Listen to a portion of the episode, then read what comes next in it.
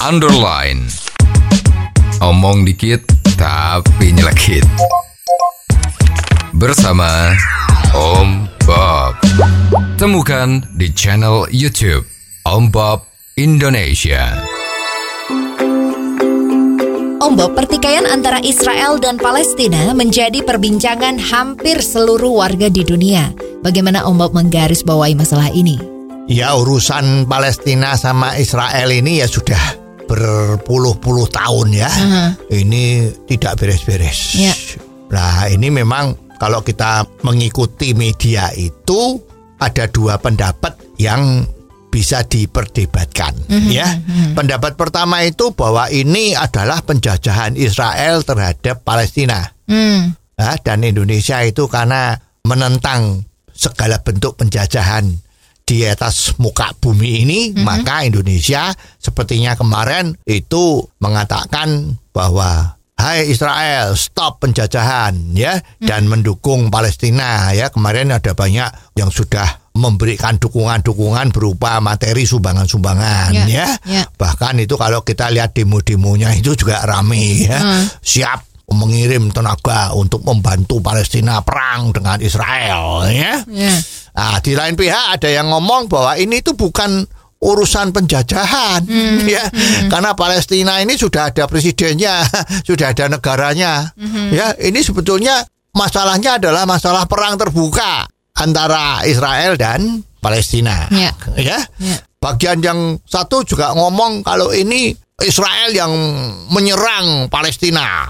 Ya, itu semua media-media juga banyak sekali menggambarkan kalau terjadi serangan-serangan dari Israel Betul. ya. Padahal ada yang ngomong bahwa sebetulnya serangan-serangan itu yang memulai bukan Israel. yang memulai Palestina ya.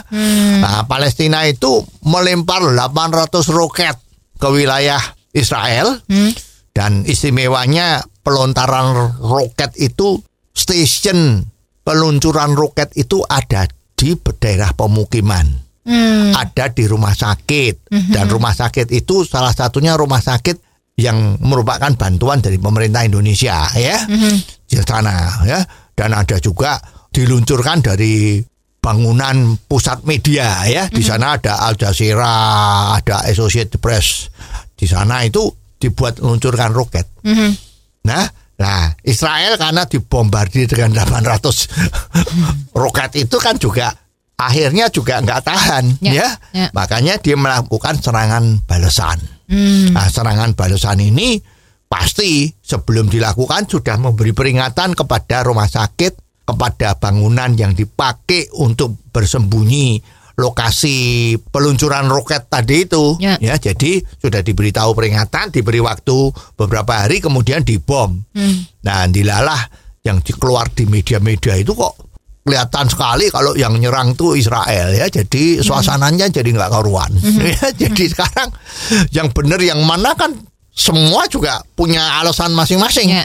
ya Ya. kemarin sempat ada yang viral itu dari eh, YouTube ya dari channelnya Gilbert ya itu yang sempat memberikan space terbuka kepada Presiden Jokowi dan Menlu Retno kita ya bahwa ini sebetulnya Indonesia itu posisinya non blok tuh harus betul-betul dijalankan. Ya. Kalau memberi bantuan, ya sebetulnya bantuannya itu jangan sampai kepada Palestina doang, karena di Israel juga ada korbannya, Ya. ya.